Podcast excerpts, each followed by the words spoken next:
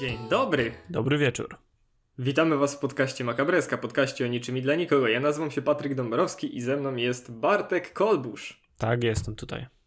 Dzień dobry Bartku. Dzisiaj rozmawiamy sobie o filmie Ghostbusters Dziedzictwo, o tym jak e, film wygląda na tle całej serii, ale zanim przejdziemy do tego, zacznijmy może na temat pierwszych wrażeń na temat tego filmu. Co Ci się w ogóle podobało w tym filmie? Jak, jak, jak wrażenia po wyjściu z kina?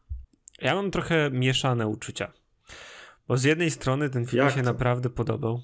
Jak to? No, mieszane uczucia to są wtedy, kiedy tak trochę coś ci się podoba, a trochę nie i trochę nie wiesz, co o tym wszystkim myśleć. To... Czyli oszukałeś mnie na Messengerze, tak? Pisałeś, że był super i w ogóle, a teraz masz mieszane uczucia, tak? Bo widzisz, dużo elementów faktycznie jest super.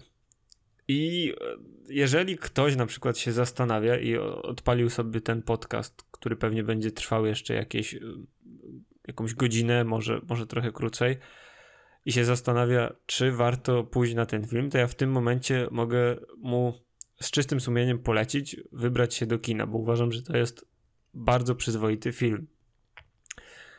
Ale jednocześnie jest tam trochę dziwnych elementów, rozwiązań fabularnych i trochę scen, które mam wrażenie, nie wiem, nie pasują do całości, albo przynajmniej dla mnie nie są do końca odpowiednie to jest może złe słowo, ale takie jakieś no nie wiem, trochę, tro, trochę dziwne. I Na wyrost w sensie, że nie muszą być, ale dodali je, żeby tam, nie wiem, zgadzało się te półtorej godziny czy coś? Czy Dobra, e, Na- inaczej. na, po- czy na tej zasadzie razu- o nich myślisz? O, E, Nie, nie, nie. To jest bardziej na zasadzie, że czasy poszły do przodu, a my wciąż bardzo mocno nawiązujemy do, do pierwszego filmu, nie w, nie do końca udolny sposób. O, w ten Mhm. sposób.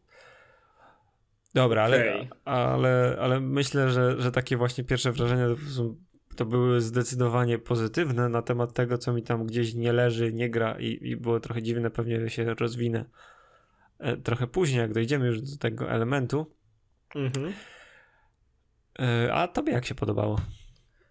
Mi mega. Ja przyszedłem na ten film z wielkim bananem na ustach i mi właśnie nie przeszkadzało to, że ten film miał dużo takich e, smaczków. Te, dla, mnie to były, dla mnie właśnie to nie były rzeczy albo nieudolnie doklejone tylko po to, żeby tam się zgadzało, że to jest jednak, e, że to są jednak pogromcy duchów, tylko dla mnie to były takie smaczki w stylu o kurde, to się tam pojawiło, albo że o Jezus, tu się nagle dzieje coś takiego jak tam, nie wiem, w jakiejś starszej części, albo jeszcze coś innego. I ja co chwila, jak tylko, bo ja tam poszedłem ze swoją dziewczyną, co chwila patrzyłem na nią, jak były takie sceny, z wielkim bananem na ustach. Ona po prostu nie potrafiła się przestać ze mnie śmiać, więc dla mnie ten film jako dla...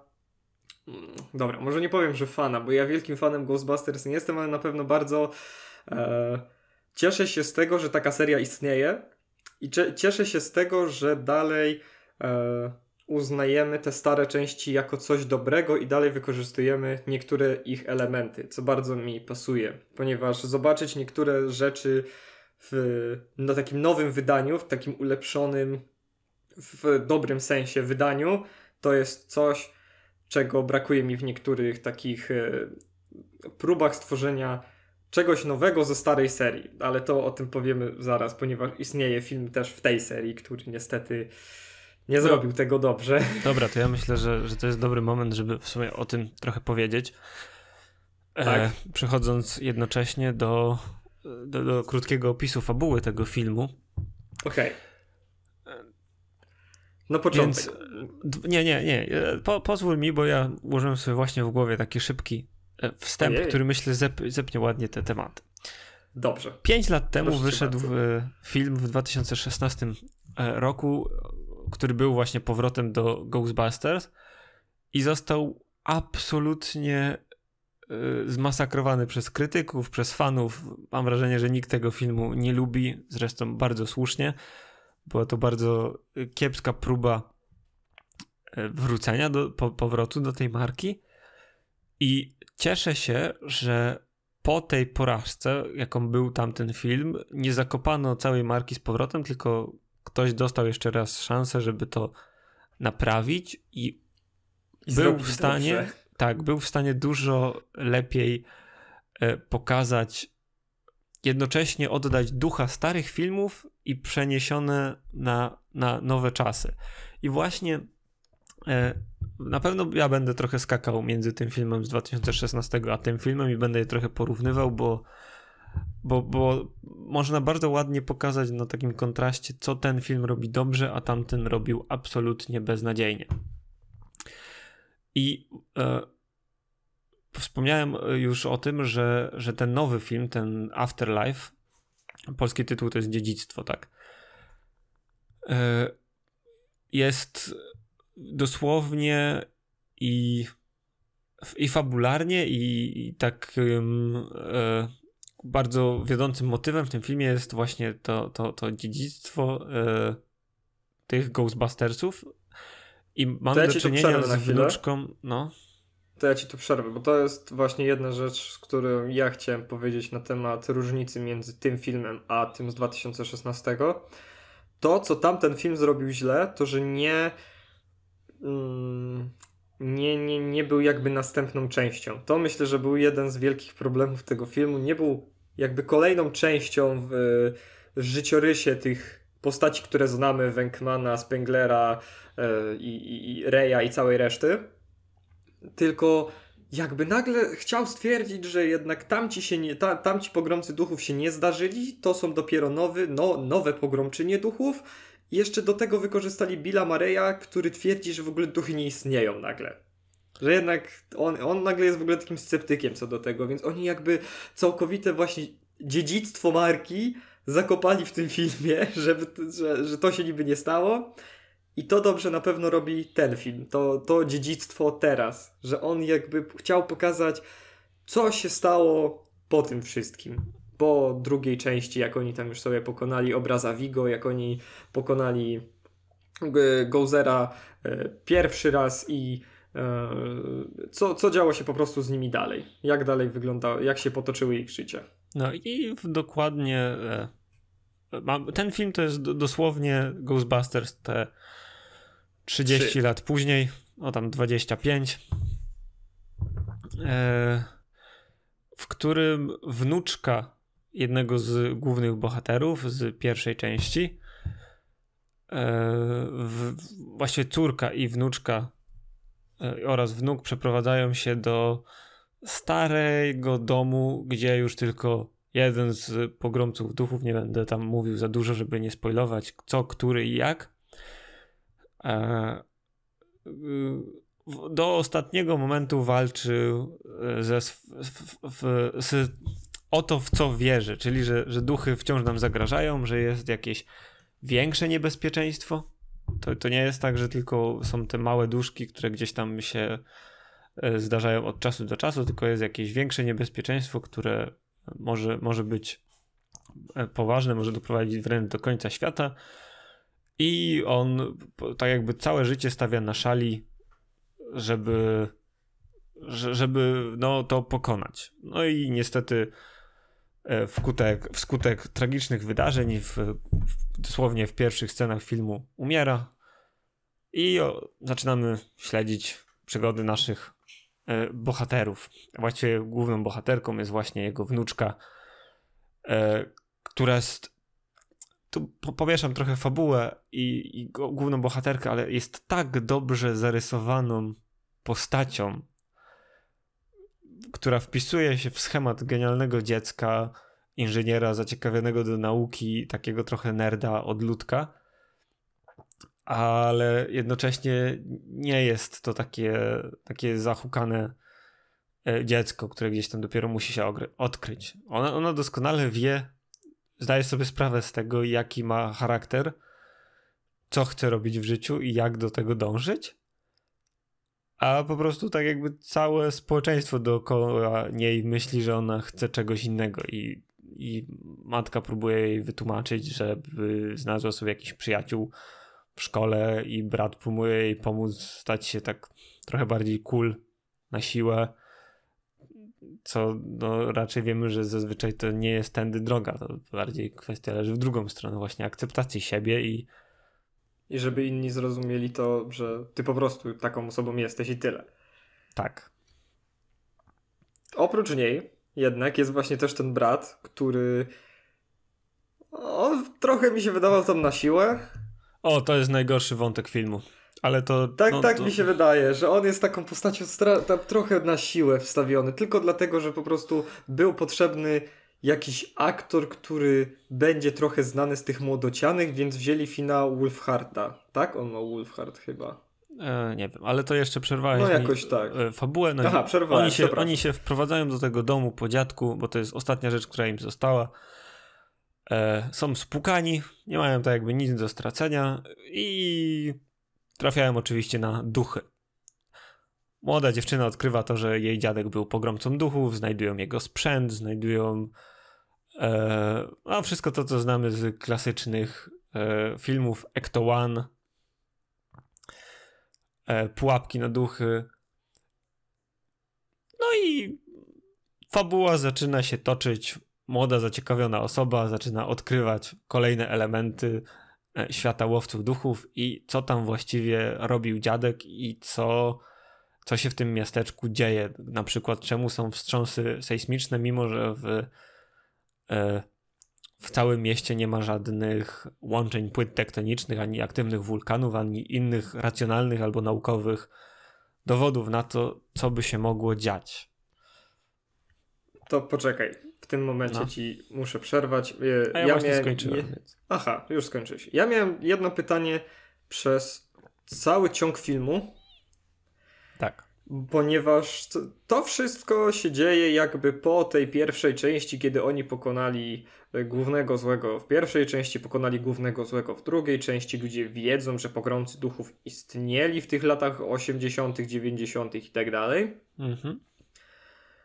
I to jest moje zastanowienie, co się stało przez następne 20 lat, że ludzie zapomnieli o duchach, że w ogóle coś takiego istniało, zapomnieli nie. o pogromcach duchów. Nie. W sensie, ja wiem, że to było na YouTubie, oni oglądali te rzeczy na YouTubie i tak dalej, ale dlaczego tego w ogóle nagle nie ma tak? W książkach od historii, czy coś takiego się stało? Dlaczego nikt nagle nie próbował wykorzystać duchów ale w taki to, sposób? To jest... Nie, bo to masz złe podejście do tego, bo no. Z twojej perspektywy naszego świata masz wrażenie, że Jezu, jakbyśmy odkryli duchy, to na pewno by zmieniło oblicze ludzkości. No, mur no oczywiście, beton. że tak. No tak. A, nie, a ja się z tym nie zgodzę. Nie, po no prostu, jak to? no, był jakiś tam, w sensie, okej, okay, duchy istnieją, tak?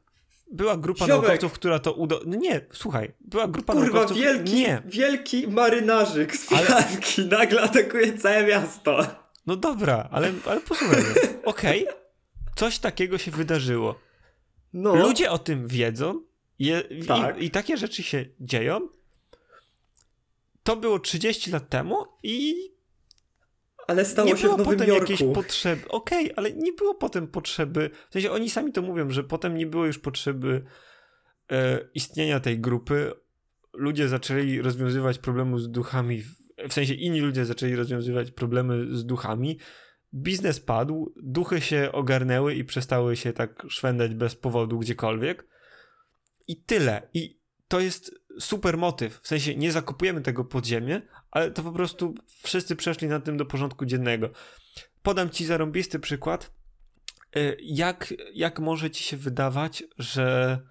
W sensie, jak, jak to może zadziałać? Wyobraź sobie pandemię, która jest teraz za 30 lat okej, okay, była, ludzie posiedzieli dwa lata, trzy lata, może cztery w domu. No Dobrze, trochę się pozmieniało i tyle. tam, nie wiem, jakieś lekarstwa na to, na, wykorzystuj... Przecież tak samo Juma na przykład, która siedziała te już kilkadziesiąt, kilkaset, nie pamiętam, lat temu. I my no. dalej bierzemy na to jakieś tam leki, jakieś coś tam, jakieś. Są lekarstwa na to, które po prostu pozwolą ale w tym nam, żeby to, to nie tak wróciło. Samo. Ale w tym świecie działa to tak samo, są pułapki.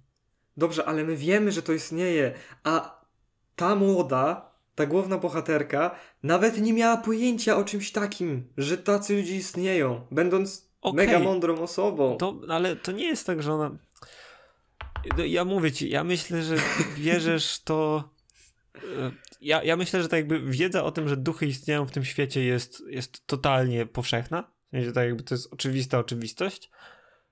E, a ona mogła po prostu nie wiedzieć, że jej dziadek był, należał do pogromców duchów i był kimś sławnym i że, że ta konkretna ekipa była sławna i tyle.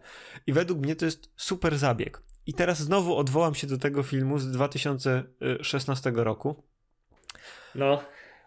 Gdzie tam to jest skopane koncertowo, bo tam mamy przegięcie w drugą stronę i próba naukowego wytłumaczenia tego, że duchy istnieją i to są. Tam coś było naukowo mnie, wytłumaczone. Właśnie o to chodzi. Dla mnie tam, tam są rzeczy pokroju midi-chlorianów z Gwiezdnych Wojen. Taki, taki bezsensowny bełkot, który wymyśla naukę po to, żeby mi wymyślić, e, po to, żeby mi pokazać wymyśloną naukę, która działa w tym świecie, która mnie nie interesuje. A tu widzę, że okej, okay, to są mądre osoby. Jak ta mądra osoba mi mówi, że to jest pułapka na duchy, to ja nie muszę wiedzieć, na co ona działa. To jest pułapka na duchy i ta mądra osoba mi mówi, że ona działa, więc ja to kupuję. Spoko. No tak, jest tam scena, w której główna bohaterka odkrywa przecież ten yy, protopak. Nie, jak to się nazywało? Ten ich yy, strze strzelacz do duchów, ten pistolet A, du du no, duchowy ich. Yy tak, nie wiem. Ja też no nie jestem. No dobra, nie, dobra lubię, lubię, ale nie jestem jakimś psychofanem. Wiem, dobra, że ten nie... samochód się nazywa Ecto One, ale to przez to, że mam słabość do samochodów z różnych dzieł popkultury. No to jest fajne, ale no, ogól, no tam jest właśnie ta scena, w której ona naprawia ten pistolet duchowy i yy, pokazuje, jest pytanie, że jakim cudem tam jej dziadkowi udało się nagle zbudować coś tak małego, jak jakiś cylinderek czegoś tam. Czy, i, I to nawet nie musiała, nie, nie potrzebowałeś całkowitego wytłumaczenia, jak on to zrobił, tylko ona po prostu nagle stwierdza, a no tak, byłeś mega geniuszem. Tyle. No, bo, bo, tam jest I ten dziadek i to, pokazuje to, chyba dyplom, tak, nie?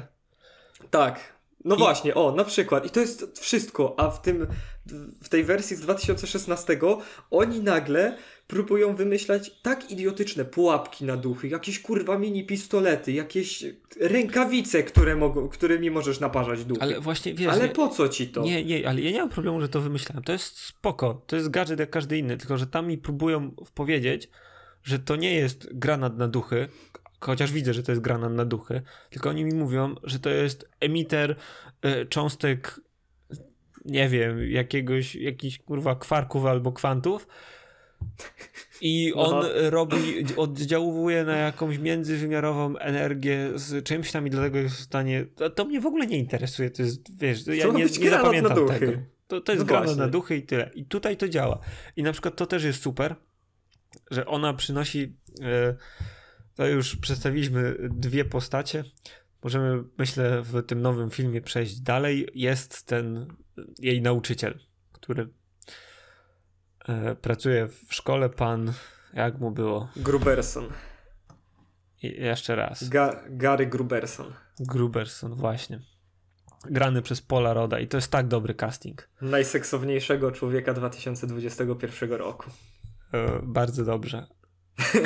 To jest, no, ale naprawdę, w sensie on tak dobrze wpisuje się w tą kanwę takiego trochę kiczu, trochę... Tego nerdowatego nauczyciela właśnie tak? takiego, który który jednocześnie jest mega ma, tym zainteresowany tematem. Nie, jest mega zainteresowany y, nauką, ale jednocześnie puszcza dzieciom horrory, żeby nie musieć nie musieć ich uczyć.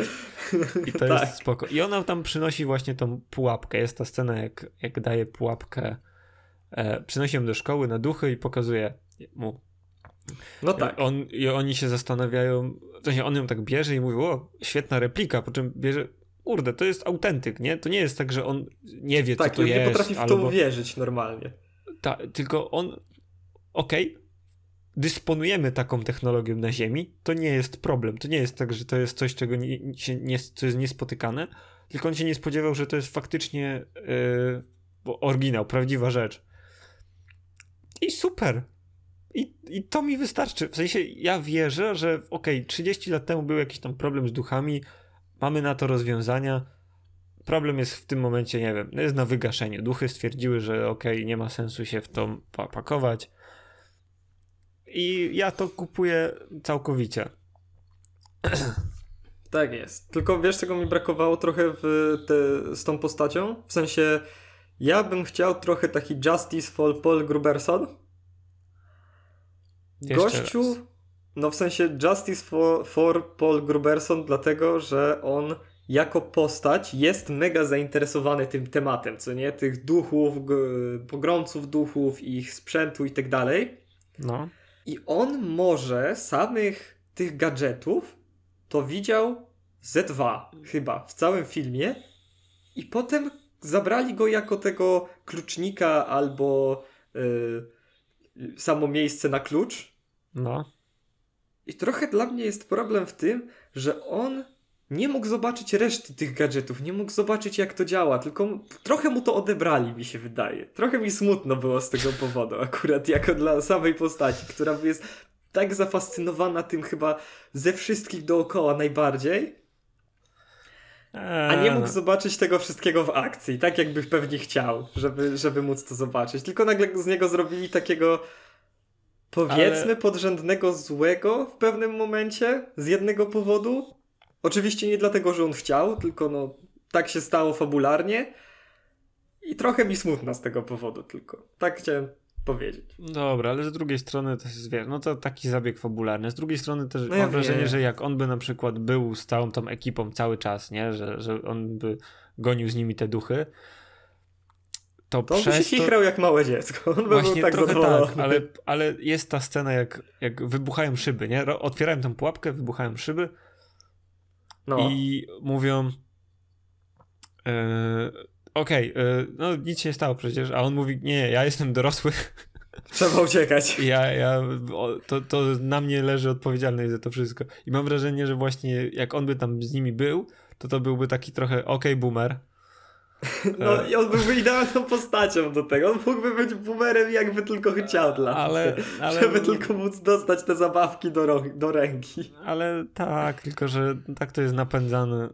Ale to już jest takie trochę myślenie życzeniowe. To tego nie ma w No filmie, tak, nie jest- wydarzyło tak, się jest- i, i No tyle. wiem, to jest moje myślenie życzeniowe. Ja bym bardzo chciał, żeby on dostał ten, ten strzelacz do duchów i, i on by tym walczył, ale no nie dostał. Trudno. Jest jeszcze jedna chyba postać główna, oprócz matki, która też się tam pojawia, o której ja bym bardzo chciał powiedzieć. Mów. I jest to w końcu pierwszy przyjaciel głównej bohaterki, który przez cały film nazywa się totalnie nieironicznie, ponieważ zajmuje się dokładnie takim samym pierdoleniem głupot jak wy, czyli podcast. Jestem ogromnym fanem. Ten dzieciak jest tak idiotycznym comic reliefem. On zajmuje się właśnie podcastowaniem rzeczy e, paranormalnych, takich e, b- b- b- rzeczy sp- totalnie spiskowych, e, różnych e, e, Illuminati i jeszcze czegoś takiego. I oczywiście on ma kurwa ile? 12 lat i się już czymś takim zajmuje. On myśli, że Roswell to są, to są duchy, że to są reptilianie, że to jest w ogóle wszystko co najgorsze na świecie. I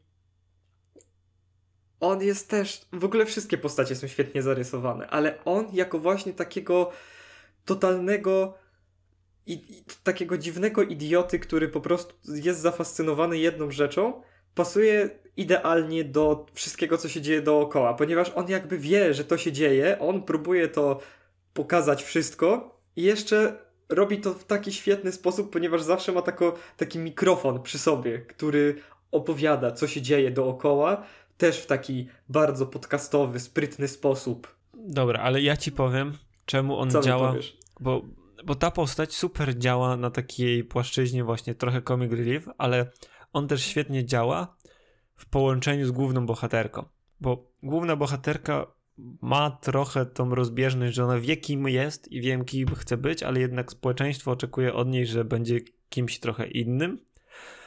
A podcast on, on, on zdecydowanie nie ma na sobie tego ciężaru. On po prostu robi podcasty, to jest to, co robi. I to jest podciągnięte tak na, na skraj abstrakcji, że krok dalej on byłby postacią z kreskówki, która nie ma tak jakby już, która nie jest człowiekiem, nie? No tak, Ale- jest ale jest- nawet scena.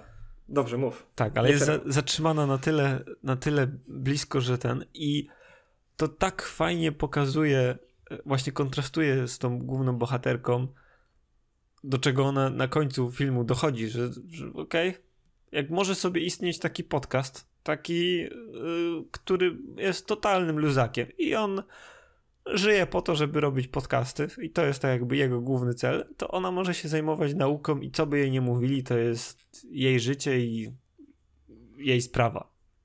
No tak. I podcast też jest taką postacią, która jest wręcz szyderczo napisana do każdej osoby, która tworzy podcasty. On, pierwsza rzecz, którą jak rozmawia z główną bohaterką, mówi, że czy chciałaby na przykład posłuchać jego podcastu i nagle daje jej pendrive'a z My Little Pony i mówi, że spokojnie od 40 odcinka zaczyna się rozkręcać. I to Nie, jest. Te, tam jest tekst, że. On, tak on, abstrakcyjnie on... podcastowego, właśnie, że ludzie robią setki odcinków i mówią spokojnie, to się dobrze zacznie dopiero tam kurwa w 280 którymś odcinku. Ale to, to jest trochę prawda. Ale to jest no to też, jest że prawda, on, on to znajduje jest siebie. Prawdziwe, on strasznie. Tak, tam jest ten tekst, że on znajduje e, swój styl gdzieś koło 56 odcinka. No. I to jest takie. Jeszcze sa, samo, samo rozwiązanie w ogóle jego fabularne, które pojawia się na końcu filmu, gdzie nagle się okazuje. Nie wiem, czy możemy to powiedzieć, czy to nie będzie zbyt spoilerowe. Ja myślę, że możemy to pominąć i zostawić jako sekret. Dobrze, dobrze, to to możemy pominąć. Ale jest też taka scena właśnie, która rozwiązuje totalnie, ca... znaczy rozwiązuje, no rozwiązuje całą historię podcasta do takiego totalnego happy end właśnie. I to jest genialne. To jest naprawdę w genialny sposób też napisana postać. Ja myślę, że na sam koniec odcinka możemy sobie właśnie omówić spoilerowo zakończenie filmu, które jest takie no dużo, dużo się dzieje. Jest, jest kilka tak, rzeczy, tam które, się zaczyna które warto, dziać po prostu. Warto omówić. Dobrze. Kto nam jeszcze został? Matka chyba sama. Tak. Matka, alkoholiczka. Co ty taka typo... No przecież tam jest scena, jak ona e, leży, znaczy leży. Śpi pijana już, a córka zaczyna ten, łazić po domu i zdobywa tą pułapkę. No to, ale to nie, w sensie ja myślę, że powiedzenie o tej postaci matka alkoholiczka to jest No ja wiem, to no jest, to jest mocne zasadzie... przesadzenie. No to jest jak ta Bev Sanchez z Ricka i Mortiego. Ona tam ma może kilka scen tego jak pije, a ludzie po prostu zaczęli o niej robić takie, z niej robić takiego alkoholika, że... Nie, no to jest po prostu jest no, normalna kobieta, samotna matka, która stara się jak Boże, ale ewidentnie jej trochę w życiu nie wyszło. E, jest, ma żal do ojca, że ją zostawił i, i pojechał gdzieś na farmę na jakimś e, wypizdowie wielkim. No, trochę tak, nie? Ale i wiesz, no i ona próbuje jak może wychować e, te, te dzieci, a jednocześnie też już no, jej dzieci są na tyle duże, że może wrócić trochę do, do poskładania swojego życia, które gdzieś tam się po drodze rozsypało. E, I to jest. Hmm, no mam wrażenie, że na tyle, na ile poznajemy tą postać, to ona jest. ma bardzo jasny e, cel w tym filmie, czyli ma być naczyniem na demona. No, trochę. I. I trochę nie wiem. To, no właśnie trochę kontrastować z tą główną bohaterką, że jej nie rozumie tego geniuszu i tak dalej. No tak, no ona jednak właśnie znajduje się w tej niby rodzinie geniuszy, a jednak nie ma tego takiego, tej smykałki do y, fizyki, chemii, do rzeczy nadnaturalnych i dlaczego Cholera, to faktycznie dzieją. jest Beth Sanchez. Kurwa, no widzisz?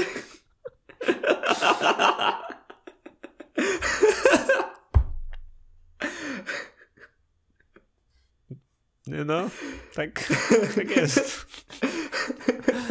Ale to a, dobrze, a, wiesz, że ja, a, a, wiesz, że ja dopiero o tym zacząłem myśleć teraz w trakcie podcastu, że powiedziałem kobieta alkoholiczka i tak dalej. Ona je, nie dość, że jeszcze jest blondynką. Najczęściej tak. nosi nie pamiętam, czy ona nosiła czerwoną koszulkę w, w którymkolwiek momencie filmu, jeżeli tak, nie, myślę, że myślę, że to już byłoby przegięcie, ale, ale faktycznie nie, są, te, są te elementy wspólne. E, to jest, znaczy nie, nie, czekaj, chwilę, moment, bo ona, y, Bev Sanchez sama z siebie, ona przecież w pewnym momencie serialu też zaczęła robić mądre rzeczy w sumie, więc to jest trochę na wyrost. Ona dobra, jednak jest dobra, ale osobą, teraz... ona zajmuje się końmi, sratatata, my, my więc teraz... to nie aż tak pasuje. My teraz nie rozkminiamy o tym, to jest zupełnie... Dobrze, przepraszam. Zupełnie mm. na inny temat. Okej. Okay. Czyli chyba bohaterów mamy omówionych, tak? Tak, no i uzgodniliśmy, że e, finał e, filmu sobie omówimy po napisach, to tam pewnie jeszcze o każdym bohaterze wspomnimy troszeczkę więcej.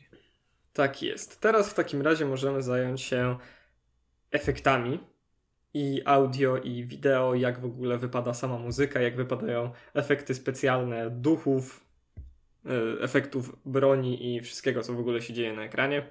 Ja myślę, że jest to bardzo dobrze zrobione i jeżeli miałbym to porównywać do starych części, które są oczywiście, wiadomo, o wiele bardziej praktycznie zrobione, to totalnie mi nie przeszkadza to, jak to wygląda teraz w wersji takiej CGI, ponieważ już myślę, że grafika komputerowa jest na tyle wysoko rozwinięta, że powoli możemy zaczynać już myśleć na zasadzie, no to się po prostu dzieje. Tak samo jak, nie wiem, Mandalorian tak naprawdę nie miał wielu elementów, które dzieją się u nas na Ziemi, tylko wykorzystali ekrany i Unreala. I to wyglądało totalnie jakby działo się u nas gdzieś, nie wiem, jakieś kaniony czy coś.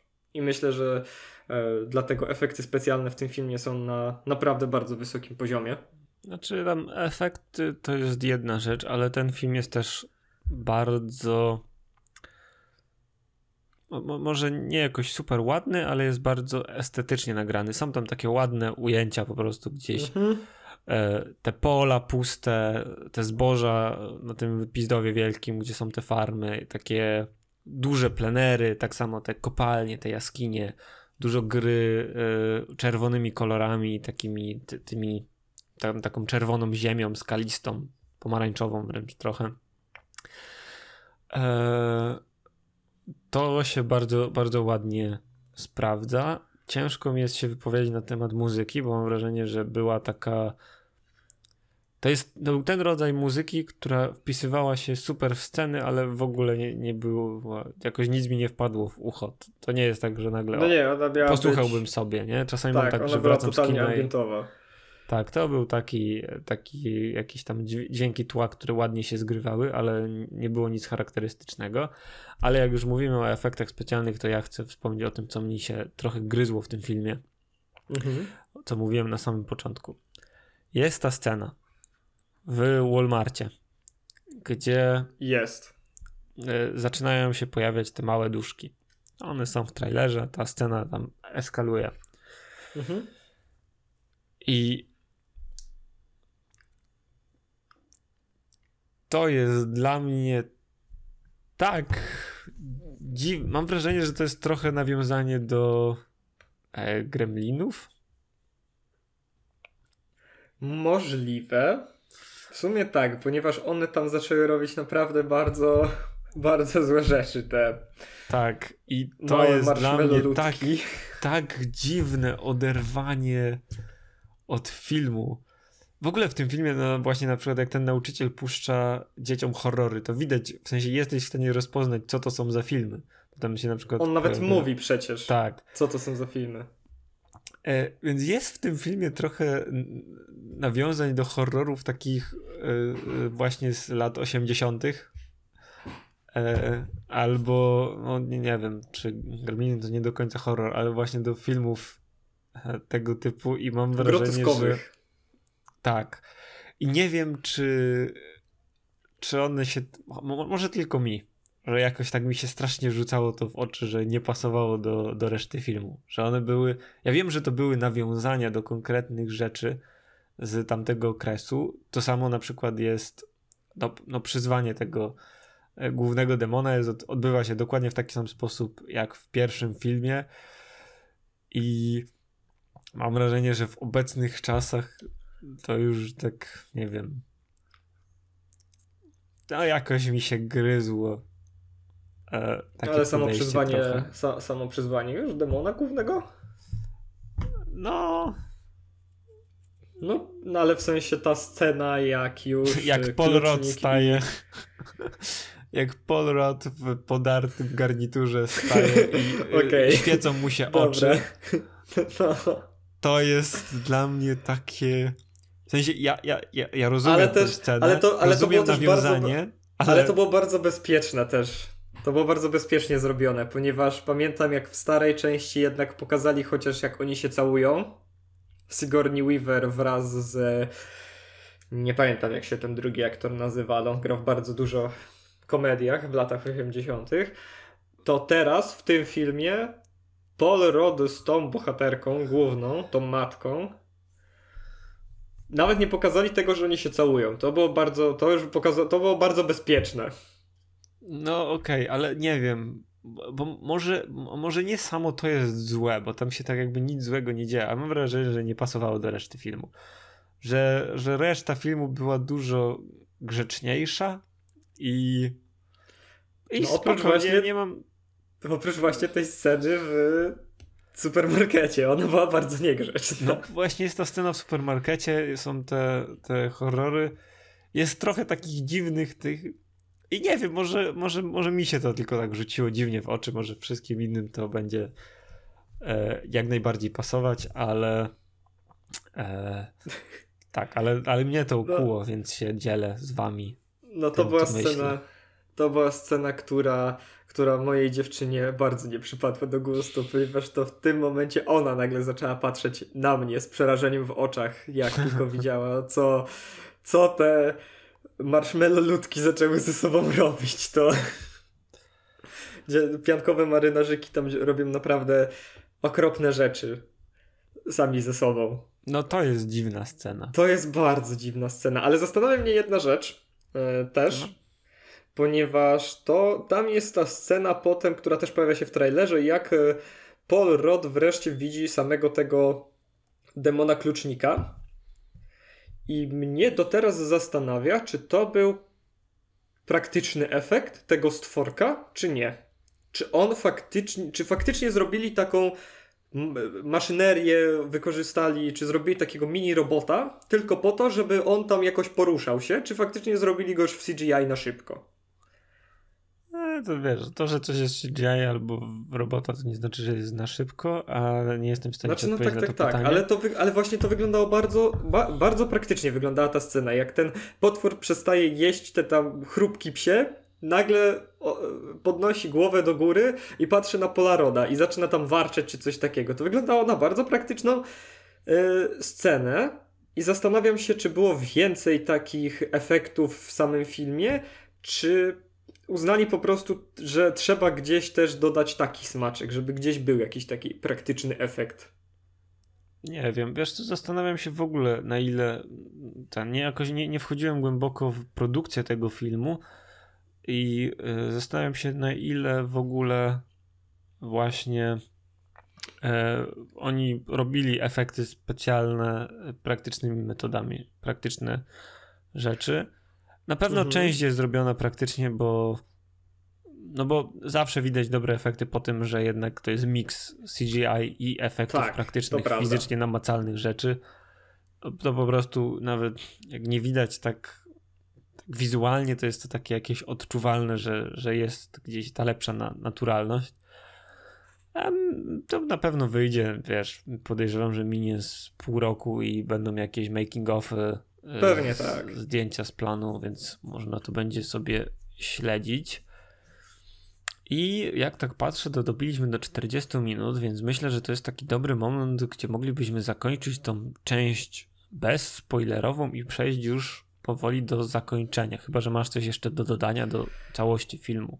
Ewentualnie tu możemy wstawić jakieś takie małe podsumowanie. E, i ja myślę, po tym że... podsumowaniu powiemy właśnie o tym, o, o końcówce filmu, już ze spoilerami i z wszystkim. Ja nie wiem, czy mam jakieś y, podsumowanie, czy coś. Ten film po prostu jest bardzo dobry i na pewno względem całej serii można go uznać jako bardzo dobry zwieńczenie pewnej części historii pogromców duchów i faktycznie e, pozwolić e, nowemu pokoleniu, aby zajęło się niektórymi sprawami. I to, to myślę, że jest moje zwieńczenie. No ja się, Niespoilerowe. ja się cieszę, że ten film z 2016 roku nie pogrzebał marki, że ktoś postanowił jeszcze wrócić, dać jej jedną szansę, mimo tego, że żyjemy trochę w czasach e, no tak naprawdę samych samego culture. nie o tym chciałem powiedzieć. Więc to po prostu zignoruję, ja tego nie słyszałem. Nie, że no, mamy cały czas te same marki, wałkujemy w kółko to samo, a chciałbym mieć od czasu do czasu nowe rzeczy, to, to cieszę się, że, że, że próbują robić nowe rzeczy na starych markach i to wychodzi. E, I mam nadzieję, że będzie więcej filmów, które właśnie będą dobre po prostu i będą przy okazji gdzieś tam odniesieniami, kolejnymi częściami a, albo innymi remake'ami, rebootami starych filmów. Ale byleby nie były zrobione źle, jak Ghostbusters 2016. Znaczy wiesz, mogą być zrobione źle, tylko żeby to nie, to nie było tak, że jak, to, jak coś utopi kasę, no to już tyle, nie? To, to znaczy, że już nie wracamy do tego i nie robimy więcej. Nie, tylko że na przykład okej, jeden film utopi kasę, ale może następny wyjdzie i będzie dobry. Okej. Mieć na- mie- Miejmy nadzieję, że faktycznie tak będzie. A teraz co?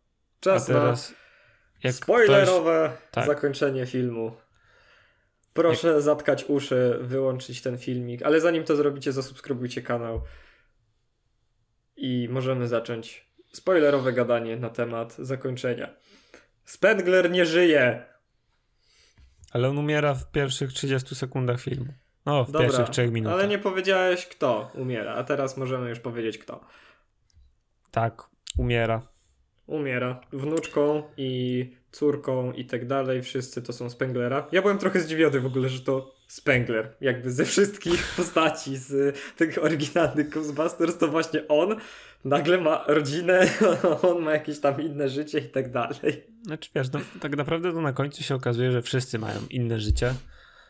No tak, E, ale I się jakoś rozjechali, rozeszli, no nic, nigdzie dalej to nie poszło.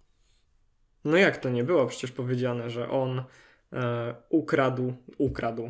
Miał powód, żeby ukraść cały sprzęt, ukraść Ektołana i po prostu e, znalazł miejsce, w którym Gozer ma powrócić jeszcze silniejszy i tak dalej.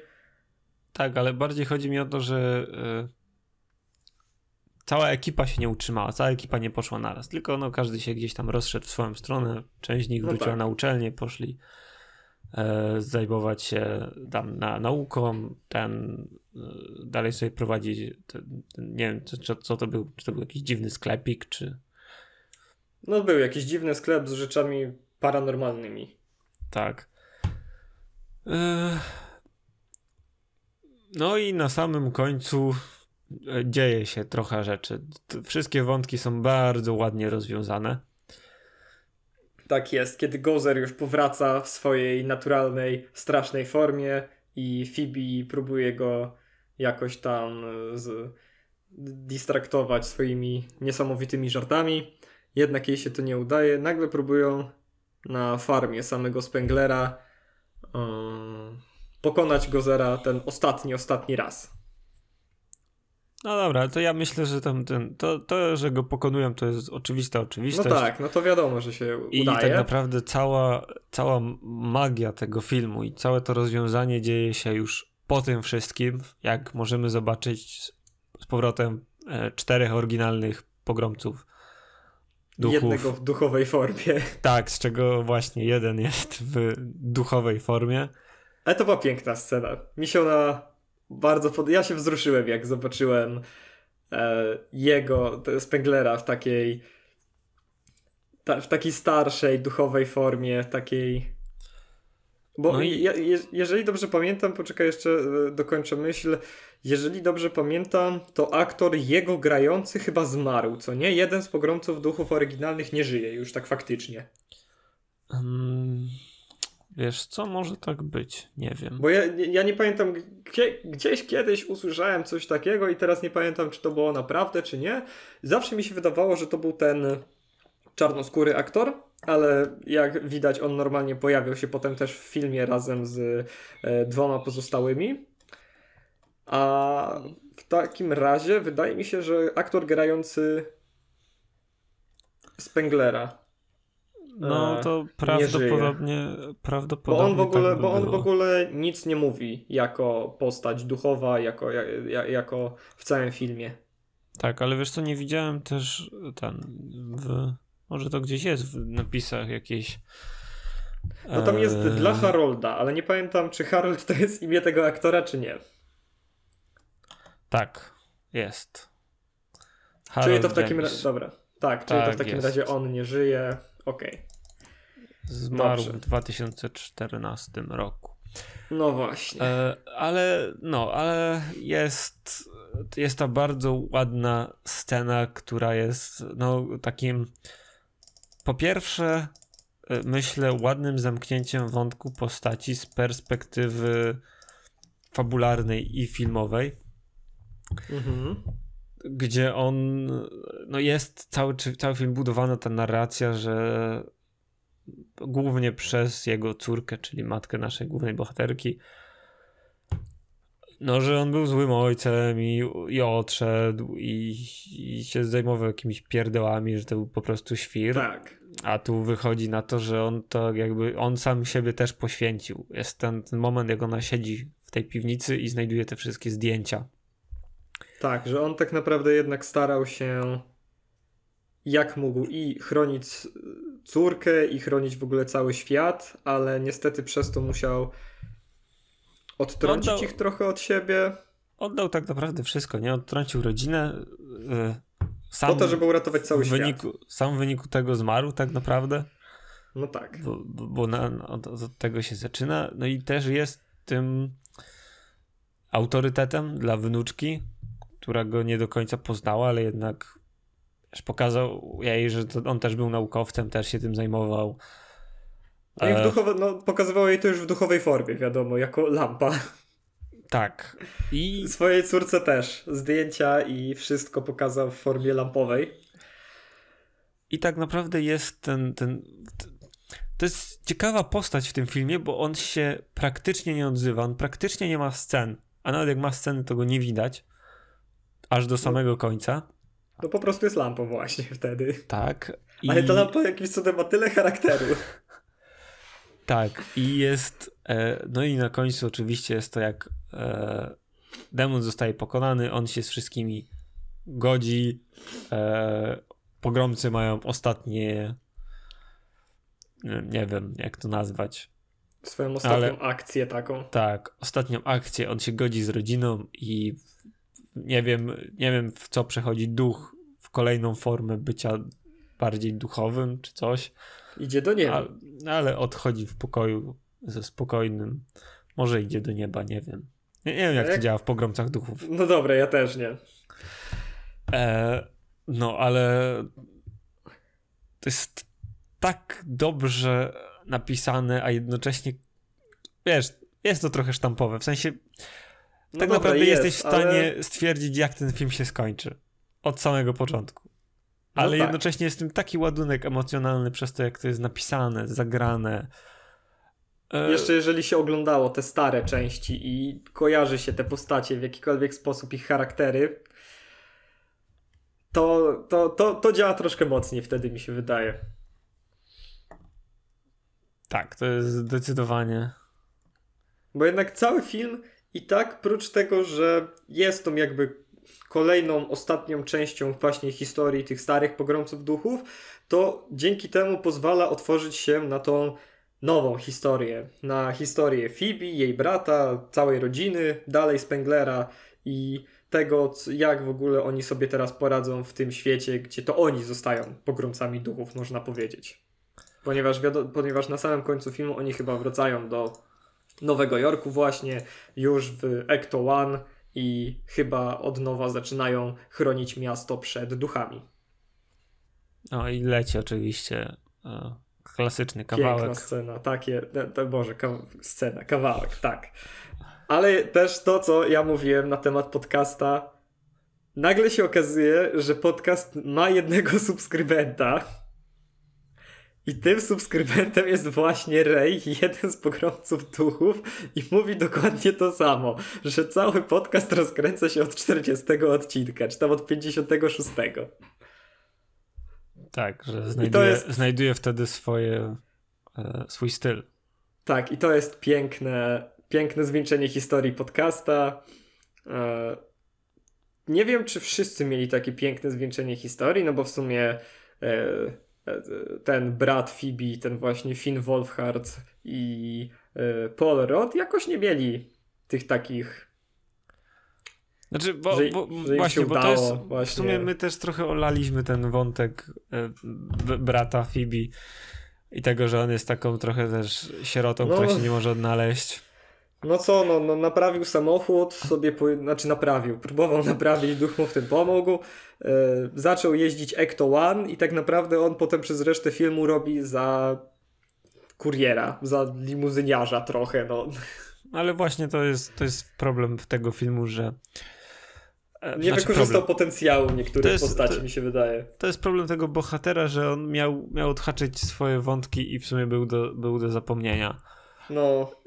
Nie ma tak jakby w tym nic złego, ale no, no nie, nie powiedziałbym, żeby coś tam się wydarzyło no ciekawego. Nie, no, ja, no ja się spodziewałem chociaż, że jego wątek miłosny z tam też czarnoskórą dziewczyną, która też miała taki swój, powiedzmy, wątek, gdzie jest po prostu córką gliniarza. Możesz po prostu powiedzieć dziewczyną. Dziewczyną, dobra, niech będzie. Rasista. Ej, nie jestem rasistą, skoro powiedziałem, że czarnoskóra, tak? Jakbym powiedział samo dziewczyną, to możesz mnie wtedy wyzywać. No, no ogólnie okazuje się, że ona jest córką gliniarza i to w sumie też nigdzie nie idzie. To jest dosłownie tylko scena po to, żeby podcast mógł powiedzieć, jaki jest zafascynowany tym, że siedzi w więzieniu. Dobra. Bo, bo dla mnie tyle, tyle, tyle było w tej scenie. Myślisz, że to wszystko? Myślę, że to wszystko. Myślę, że jak kogoś mieliśmy zachęcić, to został już zachęcony. Jak ktoś chciał się tak dowiedzieć jest. więcej, to dowiedział się wystarczająco dużo. Dla podcasta. To jest najważniejsza rekomendacja. Tak, obejrzyjcie nasz podcast dla nas. Tak jest. To jest druga najważniejsza rekomendacja. Tak jest. A jeżeli nie chcecie nas słuchać tutaj, czyli na YouTubie, to jesteśmy także na Spotify, Anchor FM, Breakerze, Castboxie, Google Podcast i Radio Public. Tajemna cisza. Halo Bartku. Ja myślałem, że jak już lecisz formułkę na pożegnanie, to dokończysz. Nie, no ja się spodziewałem, że może ty nagle powiesz, ale nie powiedziałeś. Dobrze. To w takim razie jeszcze oprócz tego, jeżeli usłyszeliście tutaj jakąś pierdołę, to zapraszamy was także do pisania w komentarzach, co usłyszeliście za, pierdo za pierdołę i że chcecie nas w tym bardzo mocno poprawić. A jeżeli to nie wystarczy, to mamy też maila. Na maila możecie także nam pisać jakieś pierdoły i mail to jest makabreskastudios.gmail.com Myślę, że to wszystko. Polecamy ten film, nie polecamy wersji z 2016 i polecamy stare części. Ja byłem Patryk Dąbrowski, ze mną był Bartek Kolbusz. Do widzenia. Dobranoc.